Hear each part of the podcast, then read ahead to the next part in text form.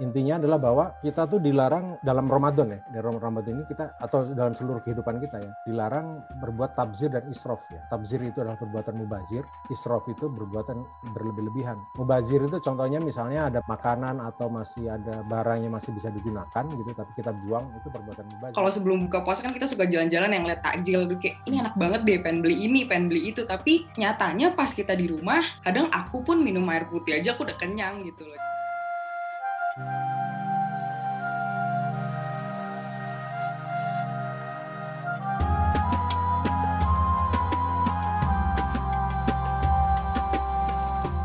Assalamualaikum warahmatullahi wabarakatuh. Kamu lagi mendengarkan podcast Ramadan Vibe bareng saya Reski Mesanto. Apa kabar? Mudah-mudahan dalam kondisi yang baik, sehat, dan yang paling penting adalah tetap lancar ibadah puasa Ramadannya. Gak terasa kita sudah masuk di minggu terakhir bulan Ramadan. Tapi ngomongin tentang minggu terakhir sebetulnya bukan selalu identik untuk ngomongin apa persiapan buat lebaran, baju baru, makanan yang akan disajikan. Tapi sebetulnya yang paling penting adalah makna dari ibadah puasa Ramadan, seberapa banyak kita menyiapkan atau sudah memberikan hal-hal baik di dalam ibadah kita. Mungkin salah satunya dengan hal baik tentang menunjukkan kepedulian kita terhadap lingkungan. Nah, kalau kita ngobrolin tentang lingkungan, sebenarnya perubahan atau kebaikan yang kita lakukan untuk alam itu juga termasuk ibadah dan Ramadan ini adalah bulan yang tepat untuk memaksimalkan perbuatan baik tidak hanya kepada Allah Subhanahu wa taala tapi juga kepada sesama manusia dan semesta. Gimana caranya? Kali ini saya sudah bersama narasumber. Yang pertama ada Dr. Insinyur Haji Hayu S Prabowo Ketua Lembaga Pemuliaan Lingkungan Hidup dan Sumber Daya Alam Majelis Ulama Indonesia. Ada juga Mas Eji Anugrah Ramadan, Project Leader Kampanye Uma for Earth, Greenpeace Indonesia.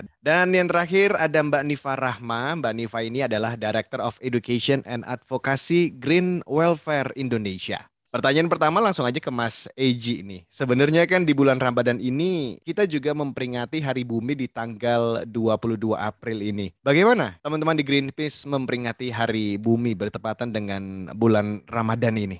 Tentu ini adalah hari yang spesial saya kira karena Hari Bumi ini bertepatan juga dengan bulan Ramadan ya di mana umat Islam sedang menjalankan ibadah puasa dan tentu full dengan semangat spiritualitas ya. Tentu Hari Bumi ini bisa kita jadikan momentum juga untuk kita meningkatkan ketakwaan kita dari sisi perbaikan terhadap bumi ini sesuai dengan pesan-pesan yang ada di dalam Islam itu sendiri. Dan bahkan bahkan ya bukan hanya hari bumi bertepatan dengan bulan Ramadan yang juga hari Jumat, tapi juga banyak juga sebetulnya hari-hari keagamaan lain juga bulan-bulan ini ya. Mari kita galakan semangat spiritualitas kita, semangat ibadah kita, amal kita juga dengan pesan-pesan pelestarian lingkungan, perbaikan lingkungan dan ya pesan-pesan tentang rahmat. Makanya di Greenpeace sendiri dalam hal ini ada pesan atau juga tagline selain Ramadan seru, Ummah for Earth, tapi juga ada Islam rahmah untuk lingkungan. Nah, Mas Eji, identiknya kalau udah minggu terakhir di bulan Ramadan tuh kan kita udah bersiap-siap nih untuk lebaran. Baju baru atau masak apa, mau keliling ke mana, mulai masuk-masukin duit ke amplop, seperti itu ya. Tapi kalau kita hubungkan dengan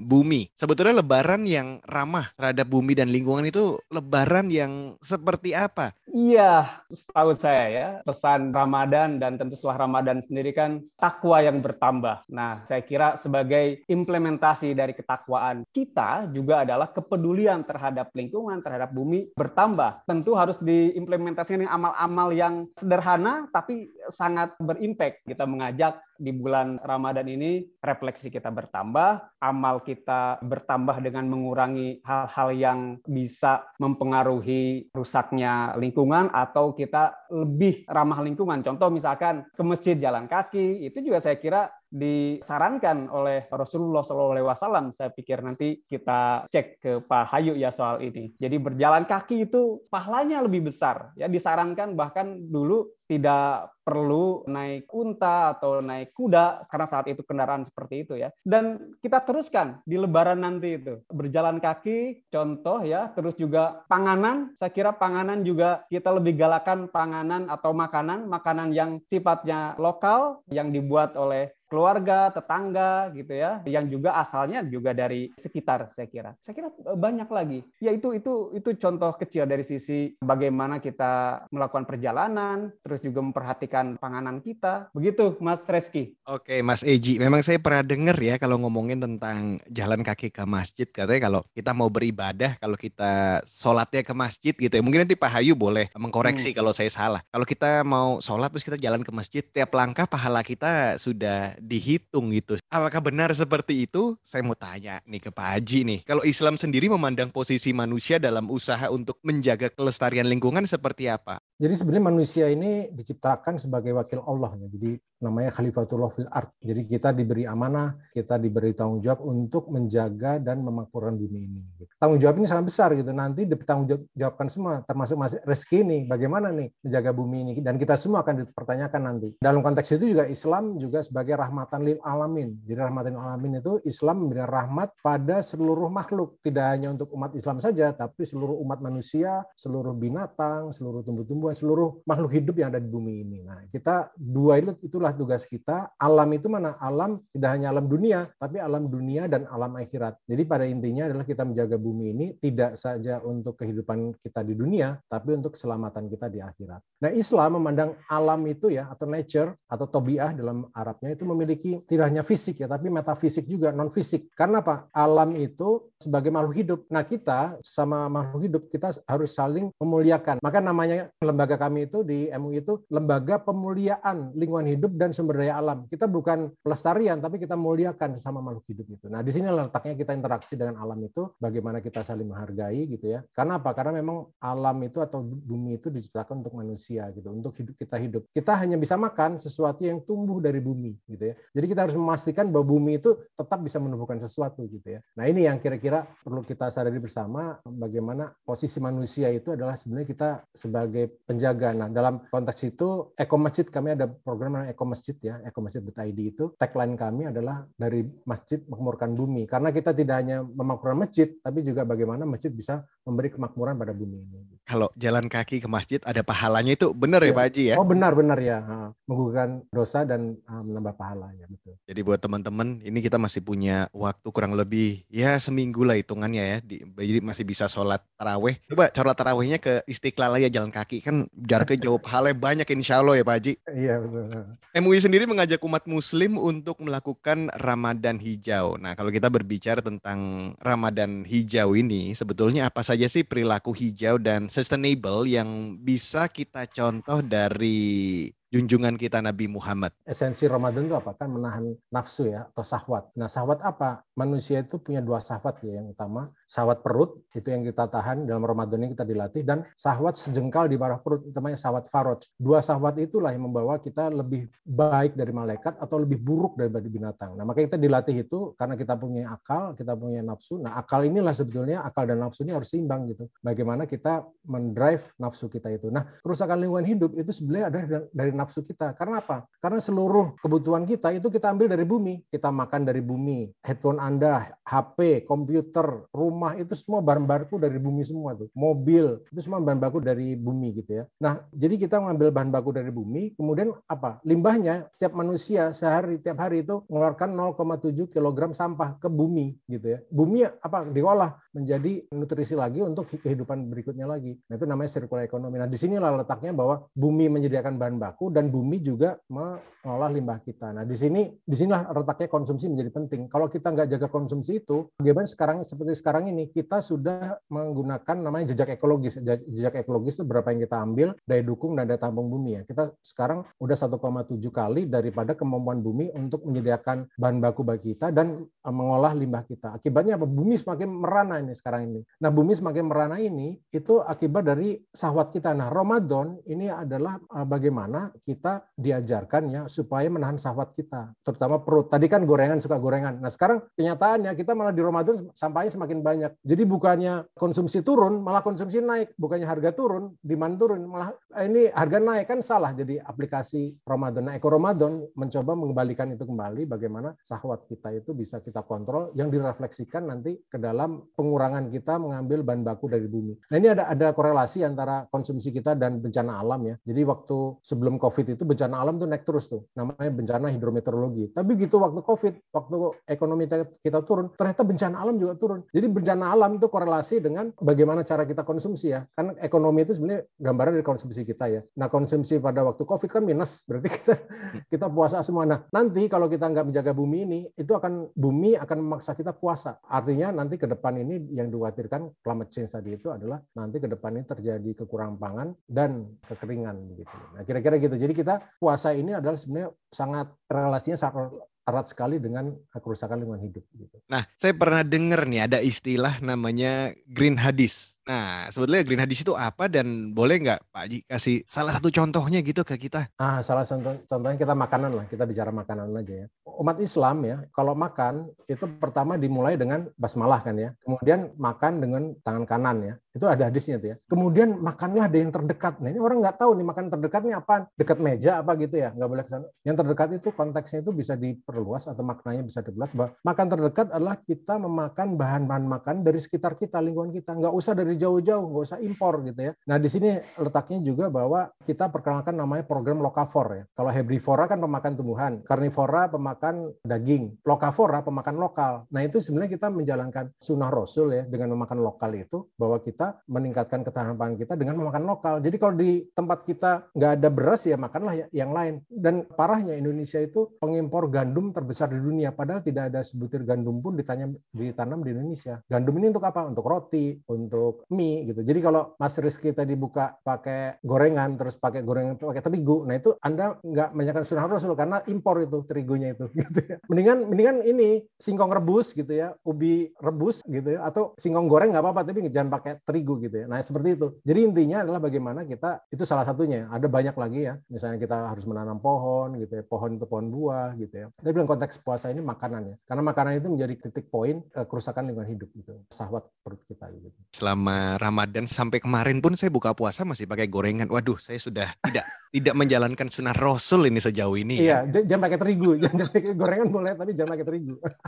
Baik, saya mau ke Mbak Nifa nih sekarang. Kalau Mbak Nifa sendiri gimana Mbak Nifa memaknai hari bumi di bulan Ramadan ini Mbak? Menurut aku dari yang aku tahu dan Islam pun dari dulu udah mengajarkan agar kita harus memelihara ya, kasar apa ya, menjaga lingkungan kita karena itu udah jadi tanggung jawab kita semua sebagai manusia. Jadi ya, selama permasalahan lingkungan itu belum clear, pastinya manusia wajib untuk bisa berjuang untuk memperbaiki dan mencari solusi baik dari kelompok yang besar bahkan sampai individu yang kecil-kecil, perorangan, dan aku sendiri gitu. Karena gimana pun juga kan bumi ini ciptaan dari Tuhan dan udah jadi tempat yang sebaik-baiknya untuk kita tempati. So, ini udah jadi tanggung jawab lah buat kita untuk menjaga dan merawatnya. Atau juga nantinya buat kebaikan dan buat kesejahteraan kita juga. Saya jadi ingat dengan beberapa episode yang lalu ada statement bahwa dibilang bumi ini tuh bukan warisan yang bisa kita pakai seenak kita aja, tapi juga harus kita jaga. Kita setuju ya dengan statement itu berarti ya. Nah, Mbak Nifa, kalau misalnya kita bicara lagi kemudian tentang hal-hal baik yang biasa dilakukan. Apa sih yang biasanya Mbak Nifa lakukan sebagai usaha untuk bikin bumi ini kembali hijau? Apalagi di momen Ramadan dan jelang Lebaran nanti. Mungkin boleh di-share. Oke, kalau menurut aku ada dua hal yang menurut aku kita biasa lakuin tapi kadang suka nggak sadar nih. Itu yang pertama, selama bulan puasa ini kan kita sering yang namanya bukber-bukber, kumpul-kumpul entah sama teman, sama keluarga besar, sama saudara. Nah, apalagi di tengah kondisi COVID-19 ini, banyak banget orang-orang yang kepengen ikut bukber, tapi sebenarnya mereka nggak kepengen juga di luar rumah. Di luar rumah dalam artian di restoran gitu ya. Dan akhirnya mereka memutuskan untuk, ah yaudah nih ada salah satu yang open house gitu. Dan kadang di open house itu sistemnya satu orang harus datang dengan bawa makanan sendiri, ataupun ya mungkin tuan rumahnya lah yang nyediain gitu pastinya beli-beli. Ya emang simple sih tapi kan pasti kita pakai plastik nggak sih dari pembelian itu? Nah jadi menurut aku daripada kita pakai terlalu banyak plastik walaupun itu simple tapi mendingan kita bawa makanan dari rumah gitu loh menggunakan tempat wadah yang pastinya bisa dipakai ulang juga. Ya kalaupun mau beli tetap bisa kan pakai tempat yang bisa dipakai ulang lagi gitu. Setahu aku juga sekarang ada kok jasa yang dia tuh menyediakan tempat tapi tempatnya tuh bisa dipakai-pakai ulang gitu. Dan menurut aku itu salah satu hal yang bisa dimanfaatkan sembari kita juga menjaga lingkungan ini selama bulan Ramadan. Mbak kalau misalnya teman-teman Muslim, pemuda dan pemudi Muslim yang mau berubah untuk hidup yang lebih hijau, ada nggak sih saran yang bisa dilakukan kan? Karena kalau kita bilang keinginan merubah hidup lebih hijau ini kan kita bicara tentang kebiasaan gitu ya. Mungkin Mbak Rama bisa share ke teman-teman juga kebiasaan-kebiasaan Mbak Nifa yang dilakukan untuk membuat bumi lebih hijau selama ini apa sehingga bisa menjadi inspirasi buat teman-teman nantinya di bulan Ramadan ini menurut aku selain kita disuruh untuk ngejaga iman kita, kita juga diajarkan untuk lebih bisa ngekontrol diri. Dan ketika kita ingin merubah habits, itu kan kita nggak bisa langsung instan ya, itu pasti step by step gitu. Kita harus dimulai dari nol. Jadi dari hal yang tadi itu yang menurut aku kita bisa bawa makanan dari rumah atau mungkin kalau selama bulan puasa ini menurut aku kita sering banget kayak lapar mata. Kalau sebelum buka puasa kan kita suka jalan-jalan yang lihat takjil, kayak ini enak banget deh pengen beli ini, pengen beli itu. Tapi nyatanya pas kita di rumah kadang aku pun minum air putih aja aku udah kenyang gitu loh. Jadi menurut aku dari dua hal itu tuh mulai dikontrol gitu loh mulai dipelajari di bulan Ramadan ini. Dan nanti kalau misalnya dari dua hal yang sepele ini yang menurut kita sepele tapi sebenarnya susah banget untuk menjalaninya itu udah mulai terbiasa pasti kita mulai bisa untuk melakukan hal-hal lainnya yang pastinya bisa membantu untuk bumi ini lebih hijau. Menurut aku itu sih langkah simple yang bisa dilakuin juga dan nggak perlu banyak uang gitu untuk dilakuin saya mau balik lagi ke Pak Haji Hayu. Tadi sudah di-mention juga sama Pak Haji bahwa Ramadan ini justru sampahnya meningkat. Tadi Mbak Nifa juga mention kalau namanya buka puasa bareng, sistemnya potluck. Pasti masing-masing bawa plastik. Karena jarang tuh ada yang mau masak sendiri, bawa pakai tempat makan tuh jarang. Pasti ah beli aja atau pakai online beli aja. Sehingga sampah makin meningkat nih Pak Haji. Ada nggak sih yang pingin Pak Haji dan mungkin teman-teman di MUI sampaikan bicara tentang sampah yang meningkat di bulan Ramadan dan Lebaran nanti juga pasti meningkat karena ada saling kunjung bawa hampers pasti pakai plastik. Dan ini menarik nih bahwa sampah itu memang tadi itu dari sahwat kita ya nafsu tadi itu ya. Nah dalam konteks ini MUI telah mengeluarkan fatwa ya fatwa nomor 14 tahun 2014 kalau nggak salah mengenai pengelolaan sampah gitu ya. Nomor 47 2014 ya pengelolaan sampah. Intinya adalah bahwa kita tuh dilarang dalam Ramadan ya. Di Ramadan ini kita atau dalam seluruh kehidupan kita ya, itu dilarang berbuat tabzir dan israf ya. Tabzir itu adalah perbuatan mubazir, israf itu perbuatan berlebih-lebihan. Mubazir itu contohnya misalnya ada mak makanan atau masih ada barang yang masih bisa digunakan gitu, tapi kita buang itu perbuatan mubazir. Kalau israf itu berlebih-lebihan itu misalnya kita punya HP satu aja cukup ya. Kenapa sekarang kita punya tiga gitu sampai bertumpuk gitu ya. Nah itu perbuatan berlebihan. Keduanya itu seperti saya sampaikan tadi itu mengambil bahan baku dari bumi sebetulnya gitu ya. Sekarang bahan baku dari bumi ini karena berkembangnya manusia, kebutuhan kita lifestyle-nya juga sekarang boros gitu ya. Apalagi kalau di flexing gitu ya. Flexing itu kan tindakan-tindakan yang berlebih-lebihan gitu. Nah itu sebetulnya dilarang gitu ya. Dilarang dalam arti kata berbuatan berlebih-lebihan itu dilarang. Nah di sinilah eh, bahwa pentingnya kita mengontrol daripada hal tersebut. Nah, di Ramadan tahun lalu kita sudah launch ya mengenai sampah ini namanya Gerakan Sedekah Sampah Indonesia atau Gradasi. Kita kerjasama dengan KHK dan TKNPSL ya, dengan Kementerian Maritim dan Investasi. Karena apa? Karena Indonesia ini pembuang sampah plastik terbesar nomor dua di laut dan pembuang sampah makanan nomor dua terbesar di dunia gitu ya. Memalukan gitu Indonesia ini prestasinya cukup oke okay, gitu tapi ya, yang negatif way ya gitu ya. Fatwa ini juga akhirnya untuk ke sana dan kita gradasi itu itu adalah mendidik masyarakat bagaimana masyarakat itu tidak membuang sampah yang masih bisa digunakan misalnya kayak plastik, kayak kardus gitu itu dipilah dari rumah kemudian disedekahkan ke masjid gitu ya. Ternyata ini membawa motivasi besar bagi masyarakat menengah ke atas. Karena apa? Karena yang tadinya sampah itu tidak berguna oh sekarang bernilai pahala. Akhirnya orang itu banyak di masjid ya, salah satu di Masjid Raya Bintaro Jaya, masjid di Baitul Makmur itu orang membawa sampahnya dari rumah disedekahkan ke masjid gitu ya. Nah ini menjadi sedekah sampah gitu. Pada akhirnya orang tidak hanya membawa sampah itu, ada yang bawa baju, ada yang bawa komputer, ada yang bawa sepeda, ada yang bawa motor, ada yang sumbangin mobil malah gitu di MRBJ itu. Jadi barang-barang kita lihat di lemari kita itu berapa banyak baju ataupun sepatu yang sudah bertahun-tahun kita tidak pakai. Itu lebih bagus kita sumbangkan saja jadi jadi pahala. Nah di sini letak letaknya bahwa MUI mendorong ya bagaimana memperkenalkan perbuatan tabzir dan israf itu bisa kita hindari gitu ya. Karena dalilnya kan ina mubadzirina kamu karena syaitin. Sesungguhnya manusia yang berbuat mubazir adalah sahabat-sahabat dari setan gitu. Nah, kalau tidak mau diikutin setan ya jangan bermazir gitu ya. Nah ini Eko Ramadan itu kita bergerak seperti itu dan kita perkenalkan kepada masyarakat luas mengenai fatwa tersebut. Saya setuju nih kalau misalnya kita punya barang-barang yang sudah tidak dipakai di rumah daripada mubazir dipilih itu akan bermanfaat buat mungkin saudara-saudara kita yang kurang beruntung ya Pak Haji ya. Betul betul. Nah tadi sudah disebutkan tentang Eko Ramadan tapi saya juga pernah dengar tentang Eko Masjid. Nah, Eko Masjid ini apa sih Pak? Syarat-syarat utama dari Eko Masjid ini apa? Apakah mungkin Eko Masjid itu termasuk bagian yang tadi Pak Haji sampaikan orang sedekah sampah atau sedekah barang-barang yang sudah tidak dipakai atau bagaimana Pak? Ya, jadi intinya itu kerusakan lingkungan tadi akibat dari perbuatan kita sendiri ya, tadi konsumsi kita ya. Ada dalilnya itu